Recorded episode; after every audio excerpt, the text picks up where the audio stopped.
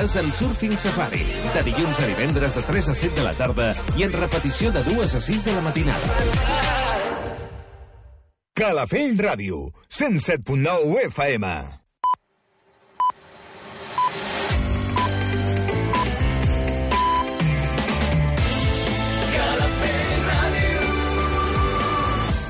Són les 8. Escolta'ns a Calafell Ràdio, al 107.9 de la FM. Mira'ns al web calafell.tv. Fem Calafell allà on siguis.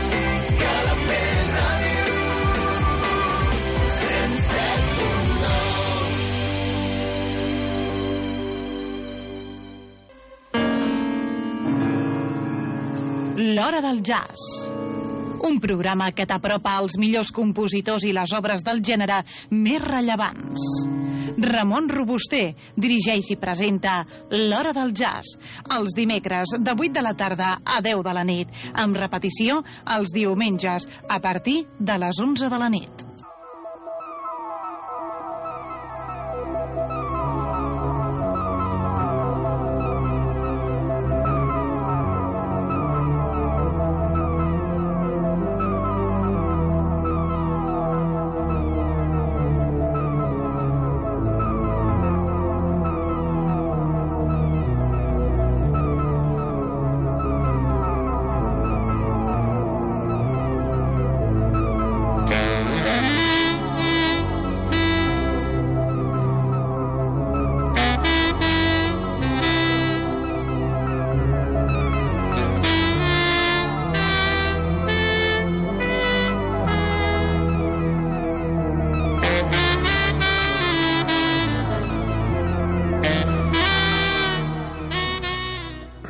Jazz.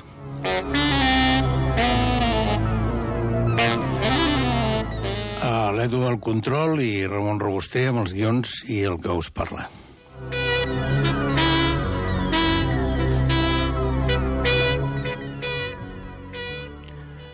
A l'esquema del programa que havíem intentat seguir, que intentem fer de tant en tant, és portar alguna gravació en primer lloc eh, que tingui un cert interès eh, des del punt de vista que sigui, musical, o en fi, eh, perquè els músics doncs, porten s'han agrupat d'una forma molt especial, o en fi, per, per alguns motius que destaqui dintre de les gravacions eh, que hi ha, mm, i poden ser molt antigues, poden ser molt més actuals o poden ser molt antigues.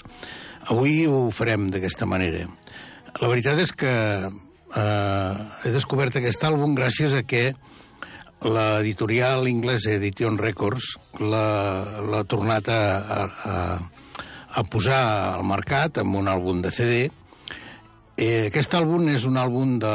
és el primer àlbum que Julian Arguelles, Arguelles va fer eh, ara exactament va gravar el 1998 eh, o 99, perdó 19, no, 1989 eh, vol dir que són 30 anys d'antiguitat. Eh, dintre d'aquests 30 anys, el saxofonista Julian Arguelles eh, ha fet eh, una, un total d'unes 15-16 gravacions, 15 jo crec que n'hi ha, com a líder, i després moltes col·laboracions, com és lògic, amb molta gent, amb Carla Bley, amb Kenny Weller, eh, amb, amb Diego Bates, amb Diego Betis, eh, en fi, amb, molta, amb, amb molts músics. Però aquest és el primer àlbum que, que, va, que va treure, eh, que va sortir al mercat el 1990, eh, es va gravar el 1989, i eh, el, el fet de que ara estigui eh, els últims, les últimes gravacions, almenys, almenys com a mínim les dues últimes que jo conegui, eh, que són una que s'anomena Setembre del 2017 i Tonades del 2018, que està amb l'editorial Edition Records, doncs els, els, els dos, aquesta parella interessant del Davi Stapleton, eh, aquest eh, compositor i pianista, i el fotògraf Dick eh, Dickerson, Mick, eh, Tim Dickerson, perdó, que són els, els fundadors i propietaris d'Edition Records, doncs han, han, han agafat aquesta gravació i l'han tornat a editar tal com era exactament eh, l'àlbum eh, que va editar eh, Haum amb la referència 010 al 1990. Eh, aquí hi ha ell, eh, com a saxo tenor, també la portada és una pintura que també és una pintura d'ell, i les composicions, excepte tres de les, de les nou que formen aquest àlbum, eh, són del Julian Arguelles. Eh, amb ell hi ha ni més ni menys que el senyor John Taylor, eh, amb el seu piano, el Mick Hutton, amb el baix, un altre anglès, de, que actualment té 63 anys, després parlarem una mica d'aquests músics, i el Martin França, de, a la bateria, també un altre britànic, també amb 53 anys. I el Julian Arguelles en té actualment 53, també. Per tant, estàvem parlant de, de què tenia en aquell moment doncs, 23 anys, no? quan va gravar aquest àlbum, que és un àlbum boníssim, molt bo. Uh, uh, bueno, hi ha, uh, hi ha, hi ha aquesta, aquest afegit que doncs, hi ha el John Taylor, que ja, com sabeu, no podem disfrutar d'ell perquè va morir fa un temps. Uh, vam dedicar-li un extens recopilació de la seva música a l'hora del jazz de Clofield Radio, en el seu moment, quan va morir. I, i bueno, és també és, és agradable de, de poder tornar a aconseguir aquests àlbums que, segons Edition Records, n'hi ha d'aquesta sèrie primera del Julian Arguelles, n'hi ha eh, n'hi ha cinc que diu que estan, bueno, quatre que diu que estan executats totalment, que no es troben de cap manera, i que els anirà editant eh, progressivament aquest any. Aquest és el primer, de fet ja n'hi ha un altre que és les Capes, les Capes ja està editat també, també el tenim, el podrem portar en una pròxima edició, que aquest és del 1996, i ara l'Edition Records l'ha tornat, a, tornat a treure. Després hi ha el que s'anomena, el que es, deia Home Trucks, eh, del 1995, eh, Vista de, de crani, un altre del 1997 i un altre que és Veus interiors del 2009. Aquests són els que reeditarà Edition Records i que podrem tornar a tindre. Suposo que la resta deuen estar encara disponibles, deuen poder trobar al mercat eh, d'aquests 15 que té editats eh, Julian Arguelles.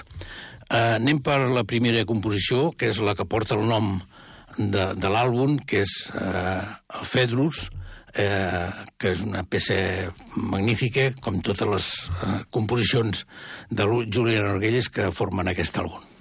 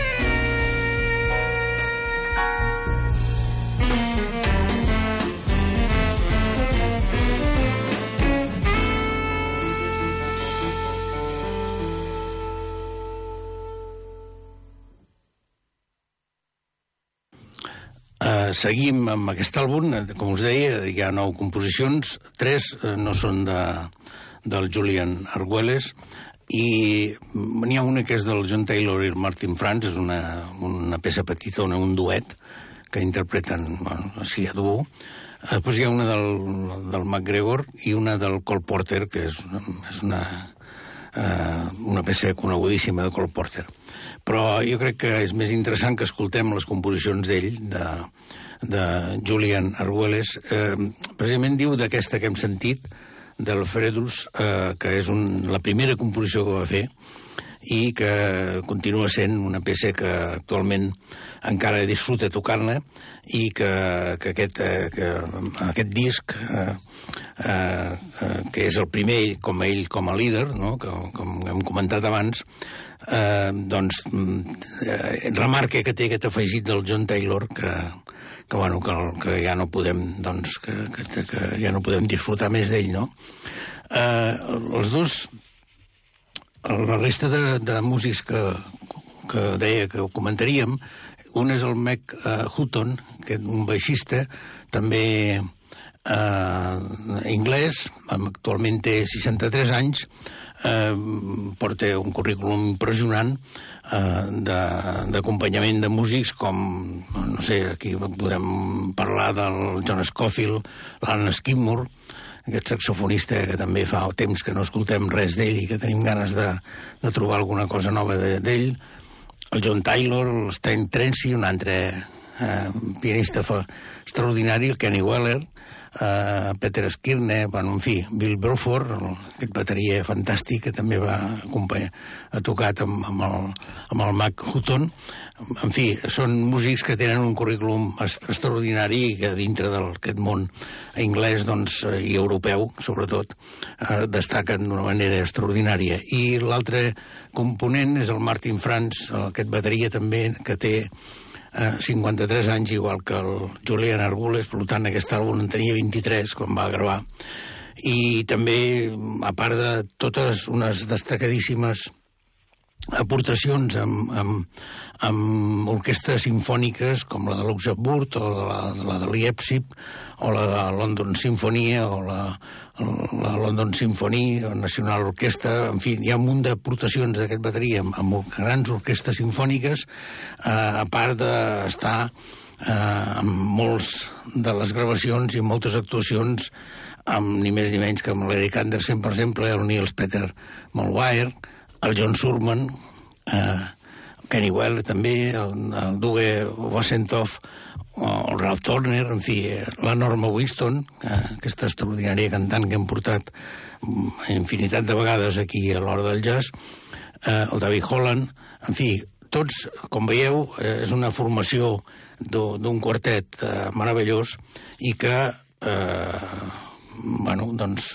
tenim el, el, el hàndicap aquest del John Taylor, que no cal que comentem res d'ell, perquè hem parlat prou vegades a l'hora del jazz i tothom el tenim eh, com el gran pianista que va ser i gran compositor, i eh, aquest àlbum, doncs, tota aquesta unió d'aquests quatre músics, i per ser la primera de Julian Arguelles, jo crec que té una certa importància, i la reedició d'Edition Records és per treure del barret, perquè està molt bé, l'edició, eh, tècnicament està molt bé, i eh, des, jo, jo crec que val la pena que entreu a dintre del, del, de la web d'Edition Records, la trobareu sense cap problema, posant el punt .com, i veureu que hi ha aproximadament uns 127 àlbums, eh, molts d'ells han passat per aquesta eh, Hora del Jazz de Calafell Ràdio, i suposo que en continuaran passant perquè és l'actualitat que hi ha de, molts, de moltes zones europees, zones nòrdiques, a Inglaterra, eh, Països Baixos, en fi, a Bèlgica,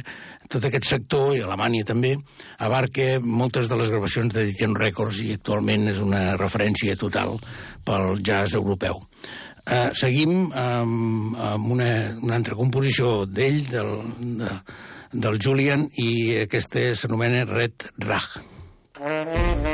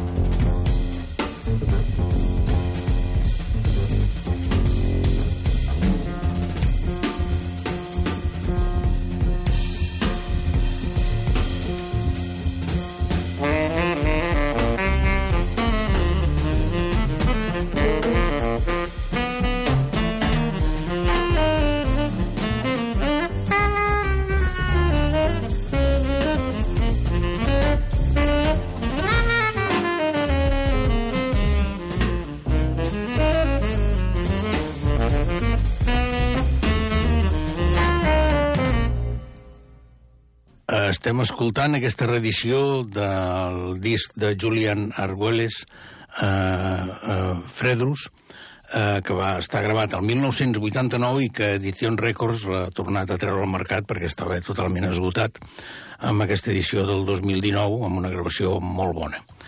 Uh, Julian Arguelles, hem parlat dels altres músics, d'ell no en havíem parlat massa, però bueno, té un currículum extraordinari com a saxofonista i compositor i ha, format part també d'aquests músics més o menys una mica els mateixos de, de, que la resta de, de, que formen aquest quartet, com el John Taylor, o el Kenny Weller també, el, el, el, el, grup uh, Phonesis, que hem portat aquí a l'hora del jazz, amb, totes les, amb tots els àlbums que tenen, sembla n'hi ha tres o quatre, el Mike Gibbs, amb aquelles formacions grans, importants, orquestrals, o la Carla Bley, per dir ja alguns de- d'ells, no? Eh, anem per l'última peça, que també és una de les composicions d'ell i és l'última que tanca l'àlbum, eh, és el High eh, Steve i us recordo Julian Arguelles com a saxo tenor, John Taylor piano, Mike Hutton al baix i Martin Franz a la bateria.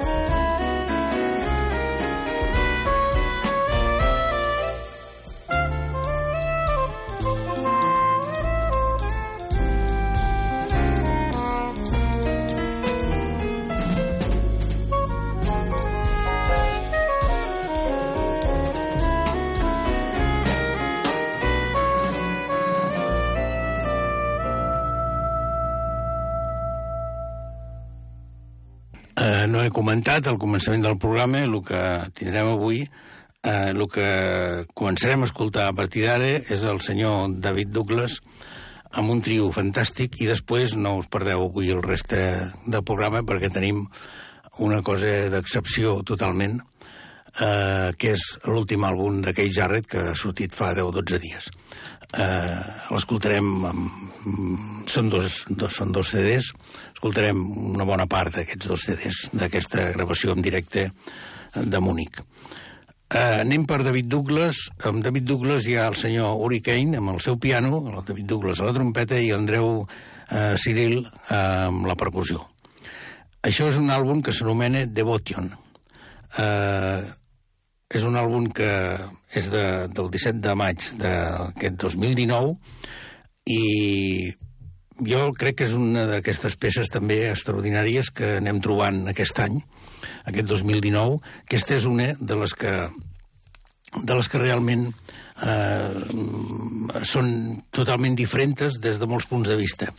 Primer per la formació. David Douglas i Uri Kane havien tocat ja eh, en altres ocasions, ha un famós àlbum del 2014 eh, com a duo, amb duo, eh, entre el, trompeta i piano, un àlbum molt, molt, molt bo, i aquesta vegada s'hi ha juntat un personatge eh, extraordinari que és l'Andreu Cyril, eh, aquesta bateria que dona un, una sofisticació totalment diferent eh, amb aquesta parella de grans músics, de grans eh, compositors i grans músics, perquè l'àlbum, bàsicament, excepte l'última composició, que és la que porta el nom de l'àlbum, Devotion, eh, és tota, totes les composicions són de, de David Douglas. I, i tot i que les composicions són de David Douglas i totes tenen uns certs arguments i unes, i unes estructures, ja veureu que l'aportació del Hurricane amb el piano eh, i l'Andreu Silile és fantàstica, és extraordinària. Eh, pensem que Andreu Silile, només per donar una petita referència, havia sigut un dels pianistes importants eh, de Cecil Taylor o de David Burrell o de o del uh, de Leo Smith, per, per dir alguns, però bàsicament per, quan parlem de que havia estat amb Cecil Taylor ja ens podem imaginar uh, les possibilitats infinites d'aquest gran bateria. Anem per la primera composició, que us he triat és la número 2 de 10 que formen aquest àlbum. És una dedicada al pianista Franco de Andrea i s'anomena De Andrea.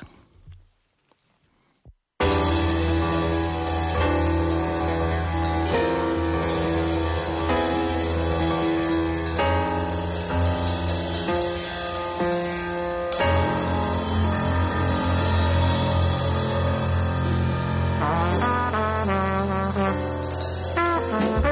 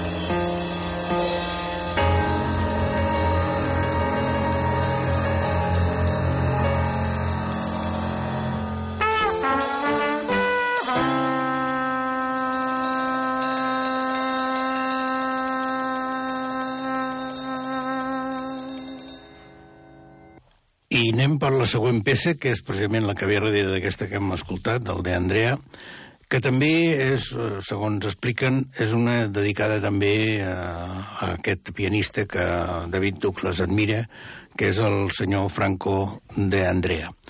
Uh, la, la composició s'anomena uh, Francis of Anthony.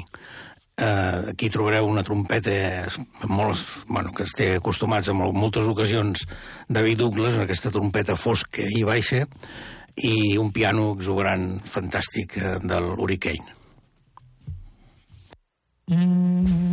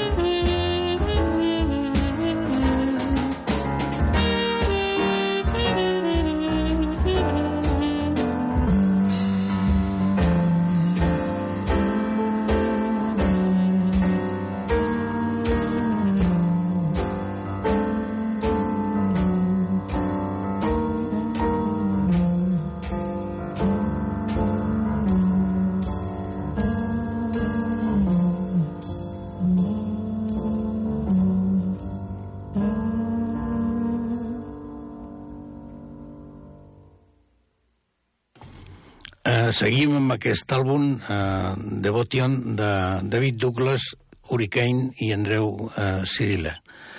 Eh, vull remarcar aquesta bateria. Eh, pareu atenció amb ell, amb totes aquestes composicions que anem escoltant, perquè veure, no, no, és, no és fàcil escoltar no, no, no, bueno, últimament no, no tinc masses gravacions que hi hagi l'Andreu Cirila uh, fa uns anys sí que hi havia una densitat enorme d'aportacions d'aquest bateria el fet de que David Douglas l'invités amb aquesta formació jo crec que és, marca un hit extraordinari per aquesta gravació d'aquest 2019 del David Douglas i l'Hurricane que ja els coneixíem junts, però aquesta aportació, com he dit al començament, és brutal. Eh, anem per eh, una composició que, que s'anomena eh, Mil eh, Jo Sang, eh, algo així, perquè no sé ben bé si no, no, no sé en quin idioma està això, que és una composició que eh, està dedicada en aquesta ocasió a Carla Bley. N'hi ha dues, aquesta i la Falses Alianges, de, que ve després, que no l'escoltarem, que són dues dedicades a, a la gran compositora i pianista Carla Bley. Eh, aquí hi ha una interpretació extraordinària amb aquesta peça de l'Uriqueny, eh, no podia ser menys, no? que dedicada a Carla Bley, doncs el piano ressalta d'una manera extraordinària.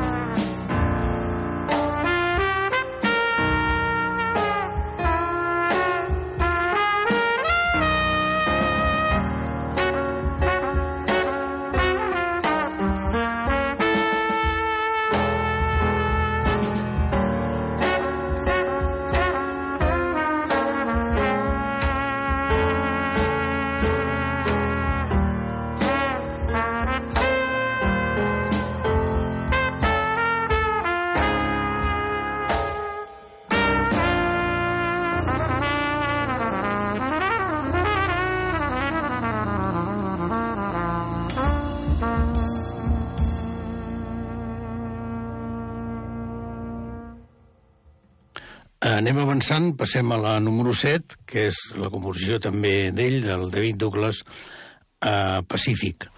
Aquí entrem amb, amb el món de les balades, amb una balada lírica, eh, tot i que cap al mig ja veureu que hi ha uns moments on hi ha uns tocs genials, eh, curts, eh, però genials de, de, del trio, amb una mica de fri, una miqueta més... Eh, bueno, es destaca una mica dintre d'aquest lirisme que té tota aquesta balada. Eh, jo crec que estem davant d'un trio amb un jazz eh, molt, molt bueno, executat d'una manera brutal, eh, de, eh, col·lectivament, i també amb una interpretació fantàstica i molt imaginativa de, de qualsevol de les peces que proposa el David Douglas. Anem per Pacífic.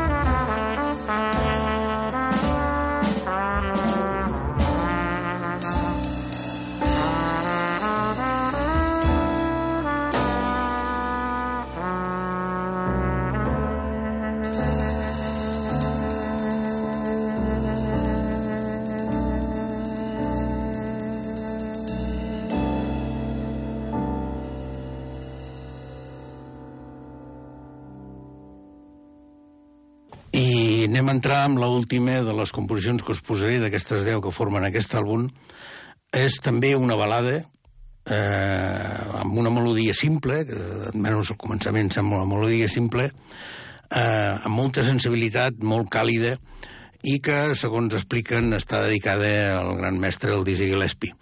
Eh, no, no, no penseu escoltar Dizzy Gillespie, eh? és una versió totalment diferent. Bueno, són coses diferents, però sí que té que el Dizzy Gillespie tant en tant feia alguna cosa d'aquestes aquestes balades així tan, tan sensuals, no? Eh, S'anomena eh, We Pray, és també eh, una de les composicions de David Douglas, i només per tancar aquest àlbum, eh, dintre de les eh, cròniques que, que he trobat a dintre la web de David Douglas sobre aquest àlbum hi ha una que m'ha cridat l'atenció, està bueno, és, és simpàtic, eh? que és del Marc eh, Corroto, del Hal Abut Jazz, que diu si el màxim compliment que es pot pagar a una gravació és que la podeu escoltar repetidament tot el dia, agafeu una cadira i comenceu.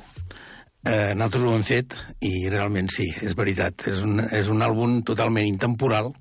D'aquí molts anys, no sé quants, és igual, el podrem tornar a posar, en, sempre ens sorprendrà i aquesta, com ho he dit al començament, i repeteixo, aquesta aportació d'Andreu Cirile amb la bateria és extraordinària. Anem per We Pray i deixem aquest àlbum fantàstic que recomano totalment per aquest 2019.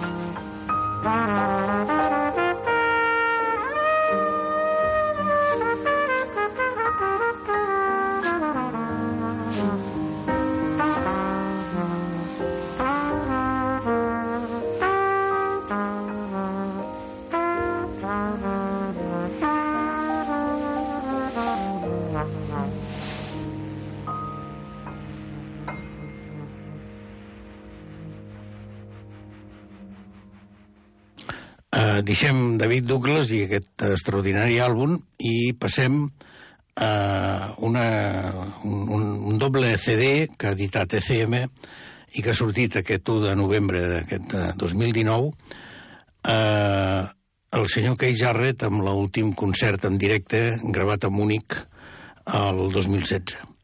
L'àlbum s'anomena Múnich 2016, suposo que tots els que sou aficionats eh, teniu aquesta notícia ja d'aquesta eh, nova sortida d'un àlbum de Kay Jarrett, que és sempre un motiu important per totes les revistes i per totes les puestos del món la publicació d'un nou àlbum de Jarrett.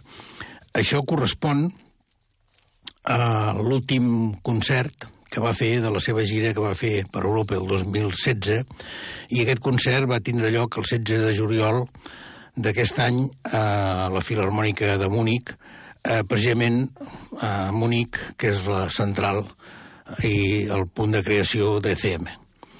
Eh, mm, són eh, en total de 15, 15 parts, per dir d'alguna manera, per dir amb el mateix idioma que fa servir Kay Jarrett, hi ha eh, 12 parts enumerades d'aquesta manera, de la 1 fins a la 12, amb els dos discos. El primer disc hi ha fins a la part número 7, el segon disc hi ha des de la part 8 fins a la 12, i després hi ha tres composicions eh, de tres estàndards, un, un, el, el primer una peça molt antiga, precisament d'Alemanya, de, del Frank Rauth i Gerard Winter, que s'anomena Harvard Me, My Love, eh, que és una composició que ha tocat en moltes ocasions i que jo crec que el fet que estigués a Alemanya eh, anava molt bé pels, pels, pels que estaven allí en aquell concert, que van tindre la sort d'estar en aquest concert, i després dues més que escoltarem, que són estàndards que ja coneixem i sobretot l'última, que és el, eh, aquesta d'un lloc, en algun lloc sobre l'arc de Sant Martí, que, que he interpretat mils de vegades, però que sempre és, és extraordinària.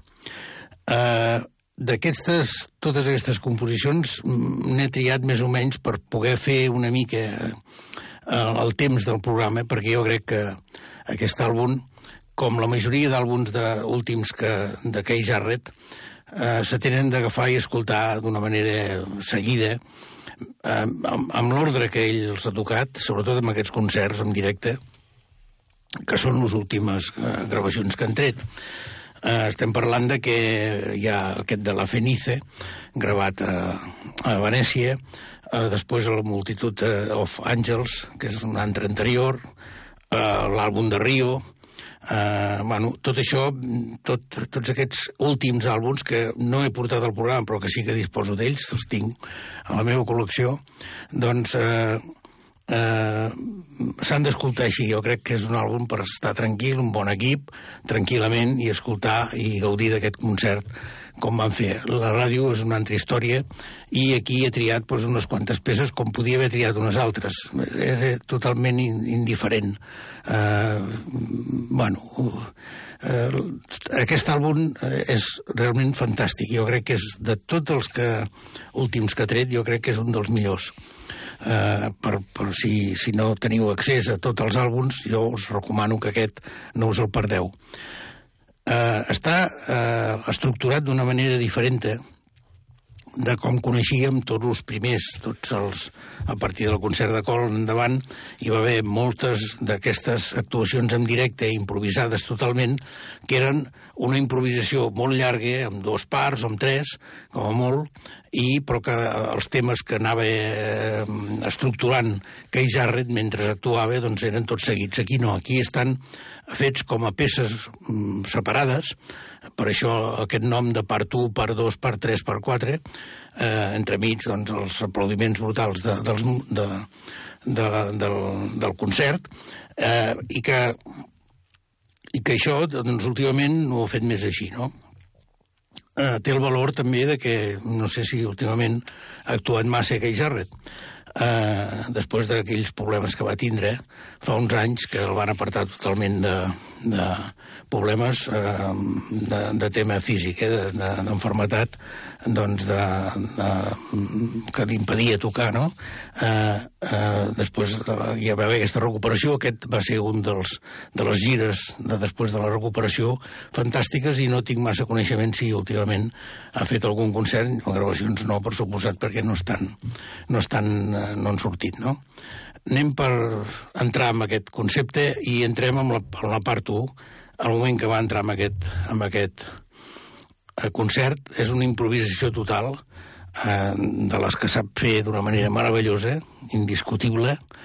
Són quasi 14 minuts i bé, jo crec que eh, no sé, és que és tan extraordinari tot aquest àlbum que no, no cal que us digui més objectius perquè val més que escoltem la música. Anem per aquesta primera part.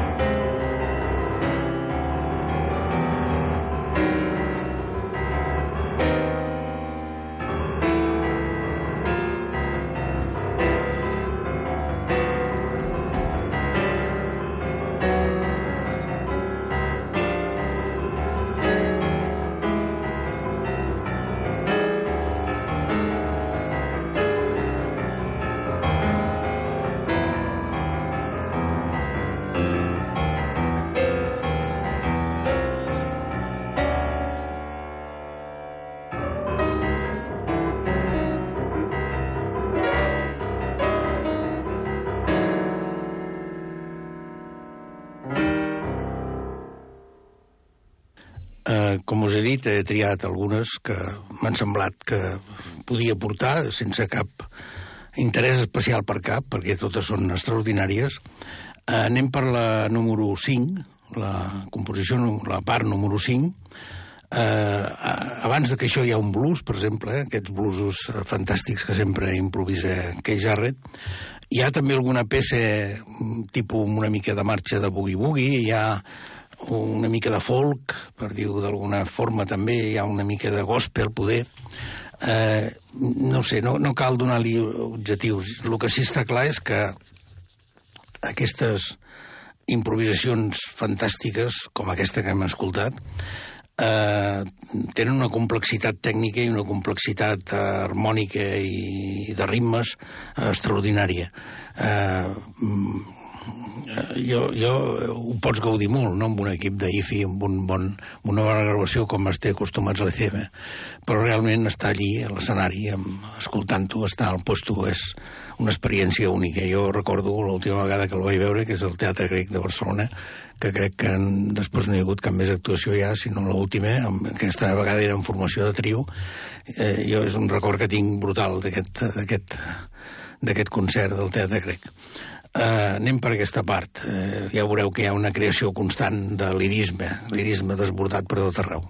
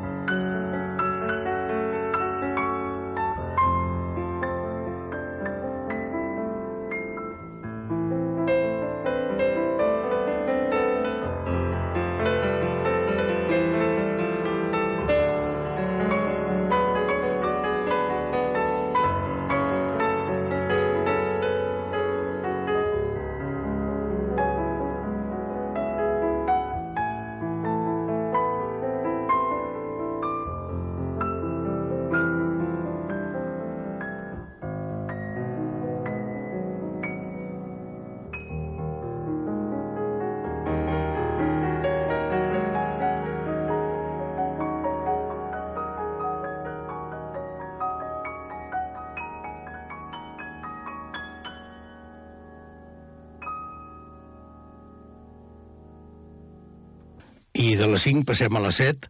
La 7 eh, és mm, com la primera que hem sentit, és aquesta improvisació total molt potenta i que aquesta vegada és curta, sembla que vulgui fer un, un, un punt de separació entre les peces anteriors i la que venen.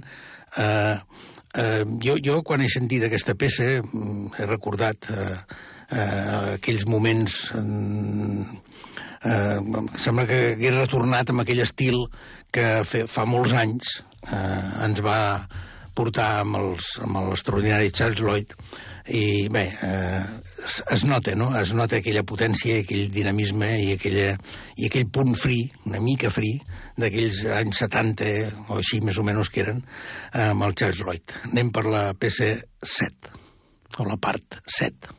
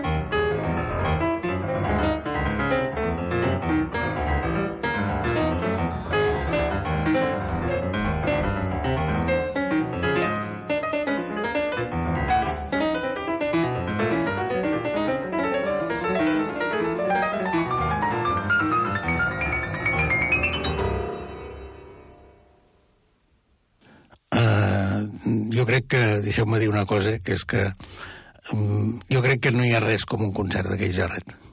Uh, i, i poder, vaig a dir més, poder um, inclús en solitari. Uh, no amb el trio o amb altres formacions, sinó en solitari.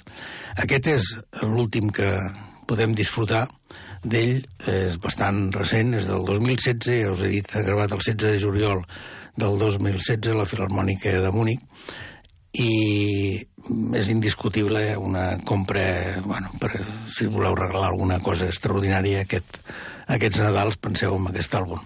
Que, per cert, està editat amb, do, amb doble CD i també amb doble LP, i el doble LP, després de... Avui, quin dia som? Uh, avui som dia 13, no? Això va sortir uh, fa 12 dies. Doncs, pues, bueno, els LPs ja no, en aquest moment ja no es poden comprar, estan agotats totalment suposo que ECM prendrà les mesures que ha de prendre, que és reeditant, no?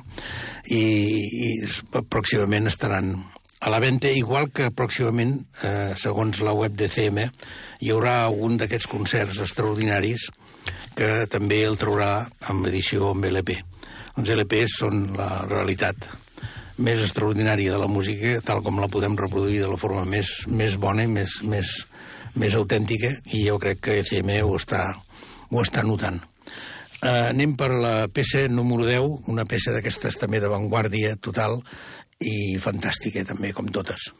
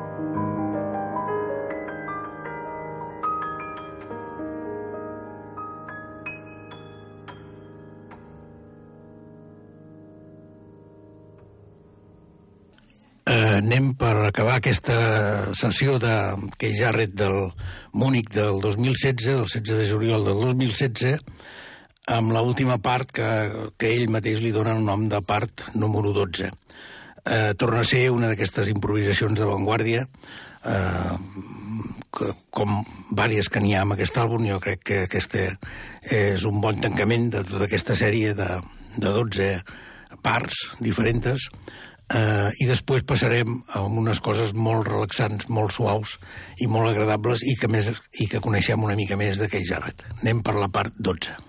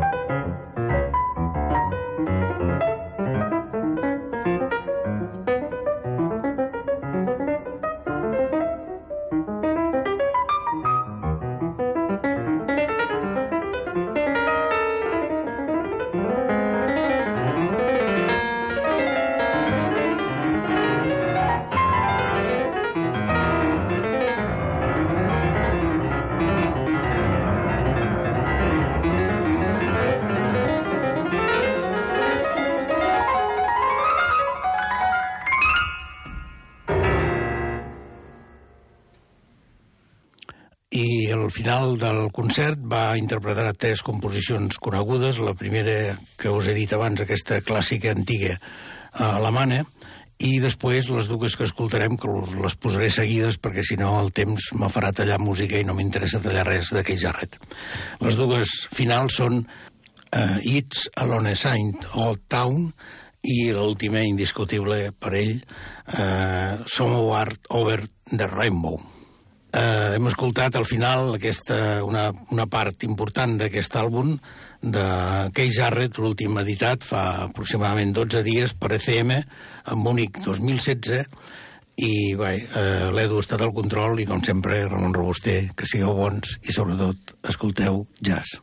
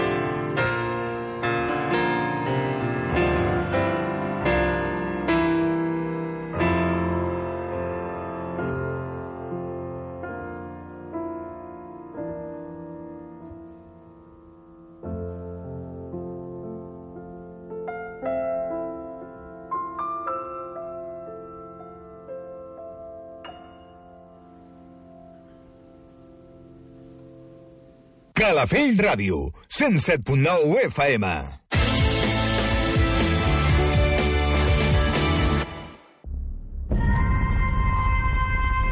Banda sonora original. Un programa fet a la mida per als amants de les bandes sonores. Una hora on recordarem les millors peces musicals que van donar so a grans pel·lícules. El podràs escoltar diumenges de 9 a 10 del matí, de la mà de Duàrabes. En repetició les matinades de dilluns d'una a dues.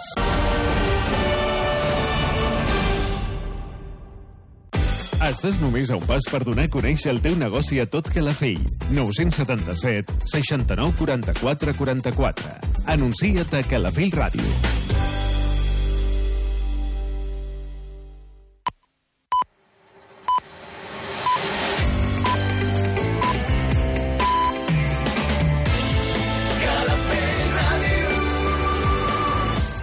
Són les 10.